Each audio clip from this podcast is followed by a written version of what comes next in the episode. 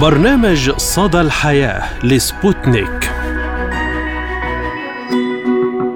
مرحبا بكم مستمعينا الكرام في حلقة جديدة من برنامج صدى الحياة لهذه السنة الجديدة والتي نتمنى لكم ولنا فيها أطيب الأمنيات وتكون بإذن الله سنة خير وصحة وسعادة. نقدمه لكم أنا فرح القادري. وأنا عماد الطفيلي نتحدث اليوم عن مواضيع متنوعة وأهم أخبار الترند خلال هذا الأسبوع. ونبدأ الحلقة بأجواء الاحتفالات برأس السنة الميلادية في مختلف الدول العربية. ونجول قليلا بكم في شوارع موسكو العريقة ونتعرف على عادات استقبال الروس للعام الجديد.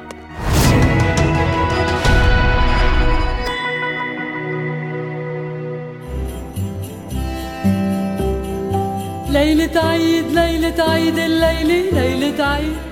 بزينة وشموع وحلويات وهدايا وشجرة ميلاد تتوسط البيوت والساحات والمحلات يستقبل الناس حول العالم السنة الميلادية الجديدة. ينتظرون دخول العام الجديد على أمل طي صفحة السنة بكل أحداثها. حلوة كانت أو مره فيطفئون شموع أحزان سنة مضت ويشعلون شموعا أخرى تحمل أمنيات جديدة. جاي من نجم معلي.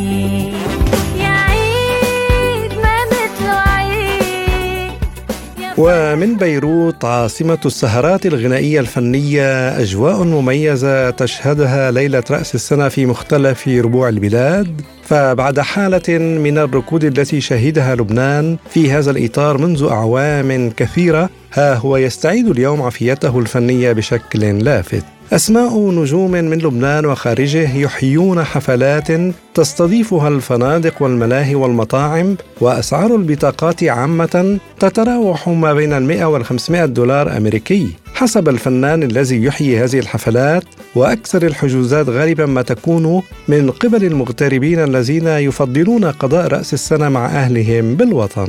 ونتعرف قليلا مستمعينا الكرام عن بعض من عادات العائلات اللبنانية مع ضيوفنا من لبنان مايا وسامر وفؤاد. بالنسبة لرأس السنة الوضع مختلف كتير عن السنوات اللي قبل. تقريبا بلش هيدا الشيء السنة الماضية الأوضاع الاقتصادية تأثر على كل شيء. وأكيد منهم رأس السنة والسنة أكتر بكتير يعني تفاقم الوضع. بالسنوات اللي قبل كان ممكن إنه كان مش كان ممكن كنا أكيد نحجز بمطعم سهرة رأس سنة إنه كان عندنا حرية اختيار. بس على الأغلب كمان كنا نكون بمجموعين كأصحاب أو واحد يعمل جزء من السهرة مع العائلة ويرجع يكفي مع الأصحاب. يعني يكون عنده كذا option يكون إنه free to do واللي بده إياه. بس uh, كانت السهرات تكون إنه عزايم. Uh, كان واحد يقدر يكون عنده ال budget إنه يعمل سهرة ببيته تكون سهرة راس السنة ويدعي عليها الناس اللي بده إياهم. هلأ الوضع مختلف كليا. يعني كنا نقضيها نحن ببيت حدا يكون عازمين عدد كبير من الأصحاب ويكون عشاء ومن بعده سهرة وإذا حبينا نكمل برا. هلأ لا يعني حتى اللي كان يعملها ببيته آه، بطل قادر يعملها وبطل قادر يعزم. نص وربع اللي كانوا قبل. بطل قادر إلا يكفي بس أهل البيت يعني وعائلته. يعني تكون سهرة بس أهل البيت ما بيقدر يعزم حدا بقى. السهرات اللي برا صارت صعبة إنه واحد يوصل لها وال ticket شيء مستحيل أسعارهم مخيفة. فالوضع كتير تغير. يعني صار كل واحد على الأغلب ببيته مع عائلته وضمن budget كتير محدودة لأنه الظروف الاقتصادية ما سمحت لحدا إنه يقدر يعمل أوسع من هيك. plus إنه سعر البنزين يعني كانوا كنا كنا مثلا تكون سهرتنا مع أصحابنا برات بيروت. نطلع وننام يعني نكون حاجزين بمطرح يعني نكون إنه طالعين نقضيها معهم. هلأ حتى سعر البنزين ما بيسمح يعني لوحدة تنكة البنزين 700 800 ألف ما بتسمح إنه حتى تزيديها على بادجت السهرة يعني من كل الميلات لا بنزين ولا أكل ولا سهرة ولا واحد بيقدر بقى يوصل لشي منهم. فسنة كتير مختلفة عن السنوات السابقة. آه، أول شيء ينعاد على الجميع بالصحة والعافية بظروف أحسن أكيد. وتاني شيء آه، هذا السؤال بيتكرر آه، بهذا الوقت كل سنة. إنه شو في على رأس السنة؟ بعتقد هذا السؤال جوابه غير كل سنة. لأنه صراحة اليوم الظروف صارت غير واستثنائية أكتر من قبل. بعتقد حالة الشعب اللبناني يعني أنا اللي بدي أعمله على رأس السنة بعتقد 80% من الشعب اللبناني حيعمل مثلي. يعني ال maximum تبعي قعدة بيت حتى آه، في limit بالعشاء أو في limit بالأمور اللي كانت تصير قبل. وما بعتقد نقدر نعمل اللي كنا نعمله قبل. يعني السهرة ماكسيموم بالبيت مع العائلة مع الأهل مع المحبين وحتى آه، عدد الأشخاص يمكن يقله ما يصير فينا مثل ما صار قبل. فكتر خير الله الحمد لله بدنا نقول. وإن شاء الله عقبال السنوات اللي بعد تيجي ظروف أحسن ونقدر نعمل اللي كنا نعمله قبل. ومرة تانية ينعاد على الجميع بظروف أحسن وخير إن شاء الله. اللبنانيون آه، من كل عام يعني بفترة الأعياد ابتداء من يعني فيما يخص آه، عيد الميلاد آه، وبالتحضير أيضا لعيد رأس السنة. يعني العادات اللبنانيه آه، مثل كل العادات يعني المجتمع اللبناني مجتمع جميل على هذا الصعيد على كل حال. الأكيد أثرت الأزمة الاقتصادية الآن لكن تحذيرات ماشي. يعني اللبنانيون كرما على يعني طاولة الاحتفالات وبالتالي عمارة آه، أعياد الميلاد كانت جميلة رغم كل الأزمة كان في تحضيرات آه، طبعا الطعام الحلويات آه، المشروب يعني موجودة على طاولة الجميع يعني إذا صح التعبير. كان في إضاءة البيوت شجرة الميلاد رأس السنة كما هو مثل كل العادات فيما يخص الطعام طاولة يعني تكون ساخية مليئة بما لذ وطاب وبالتالي بيكون مناسبة هي مناسبات عائلية أنه تجتمع العائلة مع الأصدقاء مع الأحبة يعني على طاولة السهرة المائدة مليئة كما قلت بملذة وطاب تحضيرات كل حسب الإمكانيات طبعا لكن بشكل عام الطاولة عامرة الهدايا موجودة تهاني الأمنيات يعني لبنان الآن يمر بأزمة اقتصادية لكن فعلا هو المجتمع السوري رغم هذه الأزمة أنه عم نشوف أنه العادات لم تتغير. يعني حتى على صعيد الألبسة أكل العلاقات الاجتماعية تأثرت نوعا ما يعني بحسب كان في سوري أكثر في التواصل بمعنى بالمجيء إلى الطاولة. الآن يمكن يمكن قد تكون المسافه آه، مسافة بين الأحبة والأهل يعني بسبب المناطق يعني شوي صعبة لكن تبدأ التحضيرات قبل بوقت و بيكون شيء جميل يعني فعلا الوصف بيكون غريب. أنا عم أقول حتى بهذه الحالة الموجودة ألبسة أكل أطعمة الزينة أكيد موجودة في البيوت وفي مداخل المباني أيضا الطرقات إلى حد ما خارج البيت الزينة موجودة في الشوارع الأبواق يعني بتشوف الناس لابسة ثياب لباس بابا نويل. أو يعني لباس زي آه، هذا زي الأحمر وإلى آخره آه، الألعاب موجودة في البيوت المغارة مغارة آه، يعني السيد المسيح موجودة في البيوت شيء جميل فعلا الموسيقى. بلا شك تصدح الرقص موجود. العادات ما زالت هي هي جميلة رغم كل ما يحصل رغم آه الأزمة الاقتصادية ولكن مشكلة في لبنان أنه عندما يصير الساعة 12 يعني رأس السنة أنه هي عادة من اللبنانيين رغم كل الظروف لم تتغير أنه بصير يعني في إطلاق الرصاص في الهواء رغم يعني التحذيرات وعمليات المنع لكن دون ذلك لابد من الاحتفال بإطلاق الرصاص. ثم هناك طبعا الأسهم النارية. يعني كل واحد حسب الإمكانيات الناس تتقبل التهاني حتى في الشوارع. يعني بتشوف الناس بعرف البسمة لا زالت موجودة الضحكة لا زالت موجودة. على أمل أن تتغير الأوضاع. يعني وساعات وساعات وساعات طول السنة حب. وننتقل إلى مصر أم الدنيا. كذلك القاهرة عاصمة الفنون والطرب والأجواء الشرقية الممتعة. ليلة رأس السنة في مصر مميزة جدا ويعيش فيها الناس أجواء استثنائية من سهرات فنية وجلسات عائلية. وساعات وساعات وساعات طول السنة حب.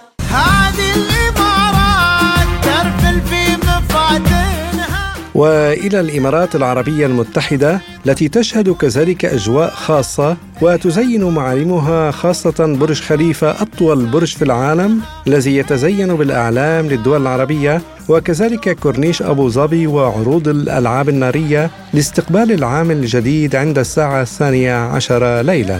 أرحمي يا راحت لعقل ترحامي وإلى دول المغرب العربي التي كذلك تشهد احتفالات مميزة في رأس السنة من تنظيم حفلات غنائية وألعاب نارية وسط المدن الرئيسية. الإعلامية الجزائرية ناجي عقيلة تحدثت لنا عن رأس السنة في الجزائر. قد يختلف الجزائريون بين من يحيي المناسبة وبين من يرفض ذلك. آه، فالذين يحيون المناسبة تجد هنا هناك تحضير للحلويات وأيضا إلى بعض الأكلات الشهية. كما تكون هناك أيضا احتفالات يعني في بعض المناطق. مثلا نجد في الجزائر العاصمة ربما أكثر الأماكن التي يجتمع فيها الشباب هي مقام الشهيد حيث يحتفلون برأس السنة هناك. لكن ليس هذا من الجانب الديني بل يحتفلون على أساس أنها مناسبة عيد كما نقول يعني سنة جديدة يأملون من خلالها التغيير والحياة أفضل آه، وتحقيق الأمنيات. آه، كما نجد أن هناك من يفضلون السفر إلى بشار وتندوف بالجنوب الجزائري لأنها أماكن جد جد رائعة في فصل الشتاء حيث يكون هناك أيضا نسبة من السواح الأجانب وتكون هناك احتفالات رائعة يعني آه، ممزوجة بالطبوع المختلفة الصحراوية. لكن هناك يا فرح من يرفض هذه الاحتفالات على أساس أنها ليست من صلاحيات الجزائرية المسلم المسلم وأنها لا تعنينا كجزائريين. آه، لذلك فهم يرون أنها الاحتفال بها لا, لا معنى له. آه، لكن نحن من هنا نأمل يعني أنا شخصيا أتمنى للجميع آه، عيد سعيد وسنة سعيدة. نأمل من خلالها إن شاء الله حياة أفضل وعدد في الأرقام يكون أفضل. نسجل من خلاله نجاحاتنا وتميزاتنا والجميع بإذن الله. كما أتمنى أيضا وأهنئ الأقباط العرب الذين يعيشون معنا على الخريطة العربية. إن شاء الله النجاح والاستمرار والتآخي آه، بينهم وبين إخوانهم المسلمين دوما إن شاء الله. وأشير هنا مستمعينا الكرام إلى أن دول المغرب العربي لديها أيضا تقويما خاصا بالسنة الأمازيغية التي تصادف الثاني عشر من يناير كانون الثاني من كل عام. وهذه السنة حسب تقويم الأمازيغ تكون سنة 2973 في هذا اليوم مستمعينا الكرام تجتمع الأسرة الأمازيغية يوميا لتناول وجبة احتفالية عادة ما تكون عصيدة السميد في اليوم الأول والكسكس مع سبع خضروات في اليوم الثاني والدجاج في اليوم الثالث. ويقدم الناس أطيب أمانيهم بالعام الجديد بعبارات مثل أسقاسة مقاس أو يناير أمرفو. سنة جديدة سعيدة. ويعود تاريخ هذا الاحتفال إلى العصور القديمة وهو متجذر في الحكايات والأساطير الشعبية لشمال إفريقيا ويعد إحياء للرابط بين الأمازيغ والأرض التي يعيشون عليها. فضلا عن ثروة الأرض وسخائها لذلك يعتبر يناير احتفالا بعيد الطبيعة والحياة الزراعية والنهضة والوفرة. بدأ هذا التقويم يتخذ شكلا رسميا في الستينيات عندما قررت الأكاديمية البربرية وهي جمعية ثقافية أمازيغية مقرها في باريس العاصمة الفرنسية البدء في عد الأعوام الأمازيغية اعتبارا من سنة 950 قبل الميلاد ووقع اختيار التاريخ ليتزامن مع صعود الفرعون ششناق الأول إلى عرش مصر. كان ششناق أمازيغيا من أصل ليبي وهو أحد أبرز الشخصيات الأمازيغية في تاريخ شمال إفريقيا العريق وبالتالي يرى الأمازيغ أن هذا التاريخ يرمز إلى القوة والسلطة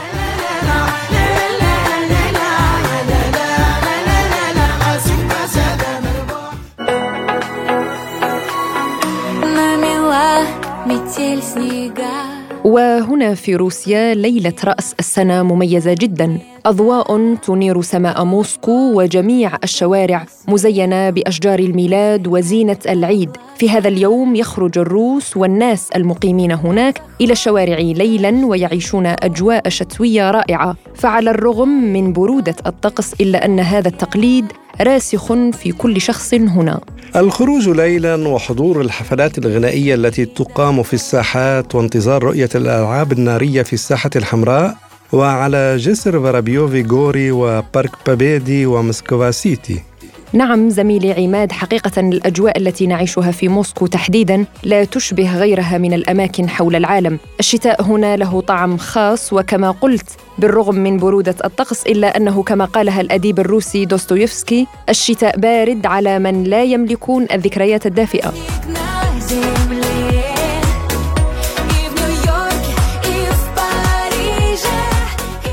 طبعا فيما يخص احتفال رأس السنة في روسيا آه، يعني كما هو في الحال في كل العالم يعتبر احتفال أسري بالدرجة الأولى. تجتمع الأسرة يعني مثلا حتى ساعة معينة وفيما بعد يعني إذا كان الأولاد يريدون الخروج إلى عند أصحابهم أصدقائهم. لكن في البداية كل الأسرة تجتمع حتى يبدأ العام الجديد وطبعا الاحتفالات رائعة جدا. آه، طبعا بعد ما يكون مائدة طعام شهية. ما هي الأكلات المميزة؟ يوجد نوع من السلطات روسية نعم، طبعا الأليفيه آه، بالضرورة يكون والفينيغريد هو عبارة عن الخضروات آه، أيضا. هي بشكل عام يعني وطبعا هناك يعني حسب الذوق الأسماك أو اللحوم أو غيره. لكن بالدرجة الأولى سلطة الأوليفيه يجب أن تكون على الطاولة. ما هي يعني لحتى المستمعين يعرفوا شو هي سلطة الأوليفي آه، شو مكوناتها الرئيسية؟ هي من البطاطا والمايونيز والبازيلا الخضراء وهناك تدخل والبصل وممكن أن يضاف إلى هناك الخيار المخلل أو الخيار العادي يعني آه، الأخضر. الفيناغريد هو عبارة أيضا عن جزر مسلوق وشمندر مسلوق. وأيضا يدخل تدخل البطاطا المسلوقة و يعني بعض المايونيز والزيت وغيره. طبعا سلطة شهية جدا بالإضافة إلى أنه حسب الأسر يعني هناك سلطة الخضار. مثلا في الدول الأوروبية معروف يعني الطاولة يكون في منتصف الطاولة الديك الرومي خاصة في باريس. في روسيا ما هو يعني الطبق الرئيسي؟ هل أسماك أو لحوم أو شو؟ آه، بالدرجة الأولى هنا يكون اللحوم بأنواعها خصوصا المقددة. هي الكلبصة بيقولوا لها مرتديل أو مرتديلا بالدرجة الأولى. طبعا الأسماك آه، موجودة أو اللحوم حسب يعني ما يكون تم الاتفاق عليه. لكن بالدرجة الأولى جميع أنواع اللحوم المقددة وغيرها. آه نعم يعني آه نتمنى لكم مستمعينا الكرام في كل مكان حول العالم عاما سعيدا مليئا بالصحة والخير والنجاح. وأهم شيء أن يعم السلام والأمن في العالم. دمتم بخير. كل عام وأنتم بخير.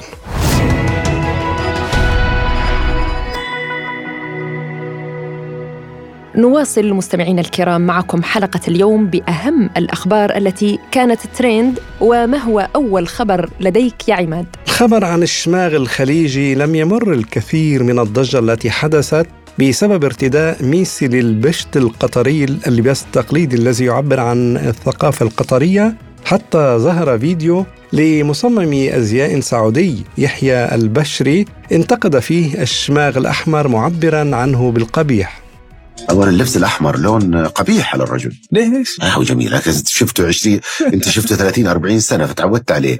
لكن لو جبتك في مجتمع ثاني عمرك ما شفته. وشفت واحد أحمر لابس قميص أحمر ولا حتستغرب يعني شوك.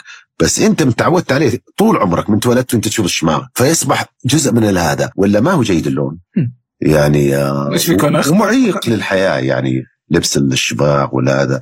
ما ما في اضافات ما تقدر تضيف فيه شيء. حاول تغير فيه حاول محكوم بالمصنعية. صحيح يعني أثارت تصريحات البشري وهو المصمم السعودي حول شماغ جدلا كبيرا في مواقع التواصل الاجتماعي لا سيما موقع تويتر. وهنا انقسمت الآراء بين من رأى أن هذا رأي شخصي والأكثر عبروا عن استيائهم من هذا التعليق. معتبرين أن البشري انتقد الهوية الرسمية ومحاربة الشماغ من ضمن محاولات كثيرة لطمس الهوية العربية السعودية. أما آخرون فقد أبدوا احترامهم لرأي المصمم ومن بين التغريدات مثلا اختلاف طبيعي في الأذواق في مسألة جمالية فنية وهو حر له يستقبح أو يمدح. لكني أشوف الشماغ جميل على بعض الناس والبعض لا. ومغرد آخر كتب تغريدة وقال هو يتحدث كمصمم ممكن نعتبرها ذوق شخصي له وممكن نعتبرها رأي نابع من مصلحته كمصمم فهو نفسه قد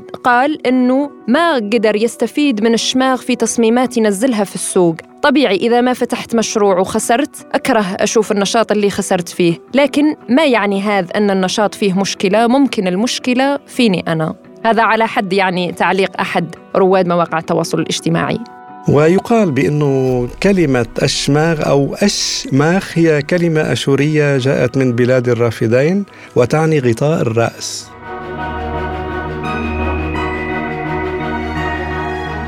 أثار مقطع فيديو وثق شجارا بين سيدتين مغربيتين على مكان ركن السيارة في أحد شوارع حي الدريسية بمدينة طنجة شمال المغرب الجدل على مواقع التواصل الاجتماعي. وانتهى الشجار بإلقاء إحداهما بعد فقدانها لأعصابها حقيبة يد السيدة الأخرى التي كانت تحتوي مبلغا ماليا ما أدى لتطاير الأوراق النقدية في الشارع العام وتهافت المارة على جمعها وهرب البعض والكثير من المكان. وفي الأردن إحباط عملية تهريب ستة ملايين حبة كبتاغون مخبأة داخل عجينة التمر عند الحدود مع العراق وصفت بأنها أكبر وأضخم الضبطيات في البلاد. وقالت دائرة الجمارك الأردنية إن تلك الكمية تعادل ألف كيلوغرام أي طنا واحدا تم تخبئته داخل عجينة تمر. وشهد الأردن خلال السنوات الماضية مئات من محاولات تهريب المخدرات لا سيما من سوريا والعراق نتيجة تردي الأوضاع الأمنية في المنطقة.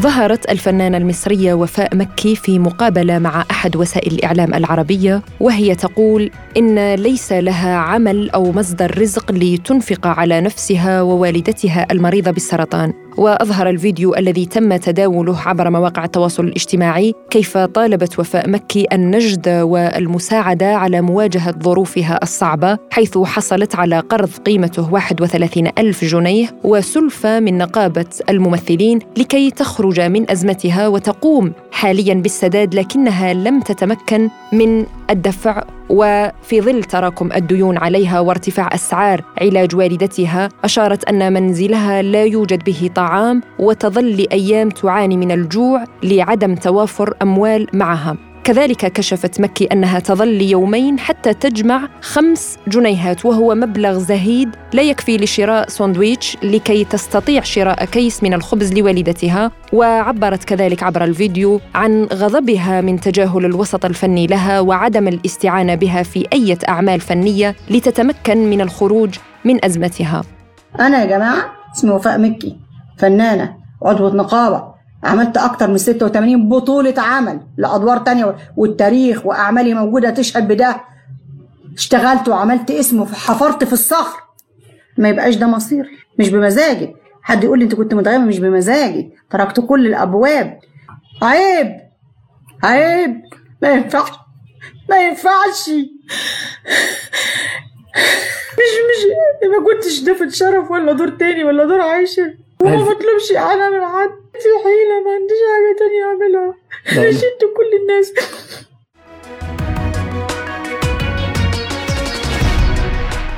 تحولت بلدة فروت آري في مقاطعة أونتاريو الكندية إلى ما يشبه أفلام الخيال أو أفلام الكرتون الجميلة حيث ظهرت المنازل بشكل مثير للدهشة وأقرب إلى المكعبات الثلجية بعد اكتسائها بطبقة من الثلوج السميكة. أبنية تحولت إلى كتل من الثلوج المتناسقة والمتراصفة التي تبدو أشبه بمكعبات الثلج.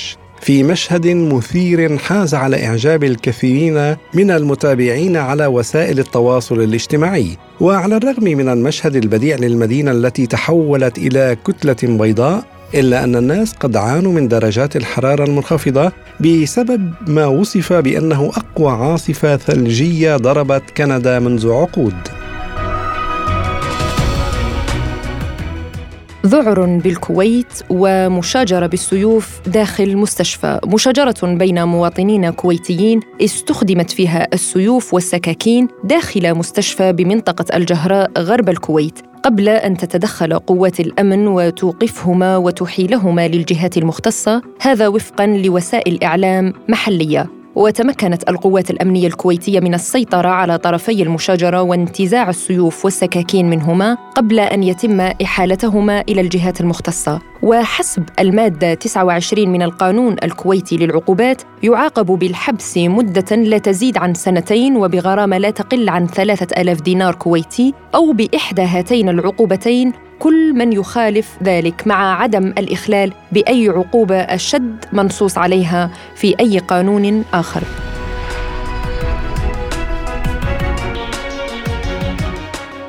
حقق رجل بريطاني يبلغ من العمر 74 عاما إنجازا نادرا حيث تخرج من الجامعة بدرجة استحقاق بعد انقطاع عن التعليم منذ عام 1987 يعني زميلي عماد وحدها الإرادة من تدفع بإنسان بهذا العمر إلى مواصلة الدراسة والتخرج من الجامعة في هذه الظروف. وطبعا يعني هنيئا له لأنه عنده الرغبة والمزاج يتابع. طبعا عودة المسن البريطاني جون ويشلر إلى التعليم العالي لم تكن خالية من العقبات حيث أنه كان يخشى خوض امتحانات للمرة الأولى بعد 35 عاما من الانقطاع خاصة وأن ذاكرته بطبيعة الحال لم تعد قوية كما كانت في فترة شبابه. وقال ويشلر في حديثه لصحيفة الجارديان البريطانية إنه علينا اغتنام الفرص الإيجابية متى صادفناها في حياتنا فالوقت يمر بسرعة كبيرة خاصة على من تجاوزوا الستين. لذلك لو كنت طامحا لشيء فركز على الهدف النهائي وليس الصعوبات التي واجهتها في الماضي. ونختم حلقة اليوم مستمعينا الكرام بمعلومة صحية كما عودناكم وحتى تبدأوا سنتكم الجديدة بصحة جديدة كالحديد. تكثر العزائم والحفلات في فترة أعياد السنة الميلادية على مدار الأسبوع الأول وتتنوع الأطباق الشهية بالطبع. لا نستطيع مقاومة ذلك ولكن الكبد يتأثر كثيرا لأن هذا العضو يعمل بصورة مكثفة. الدكتور الروسي سيرجي فيالوف أخصائي أمراض الجهاز الهضمي والكبد قال إن أفضل طريقة لاستعادة وظيفة وصحة الكبد أكل كبد كائن آخر مثل كبد البقر والدجاج والظأن وكبد سمك القد. والدراسات العلمية تشير إلى أن بعض المواد الغذائية تشكل خطرا مباشرا على الكبد الذي يعتبر أحد أهم أعضاء الجسم. لهذا مستمعينا الكرام على كل شخص أن يوازن في الأكل يعني حتى لو هي يعني عزائم ومأكولات لا تقاوم آه، لا سيما يعني المأكولات المقلية والرقائق وأيضا الملح الزائد لأنه عدو الكبد. فمثلا علبة رقائق البطاطا اللي هي تشيبسي تحتوي على نصف كمية الملح اليومية التي يكون الإنسان بحاجتها.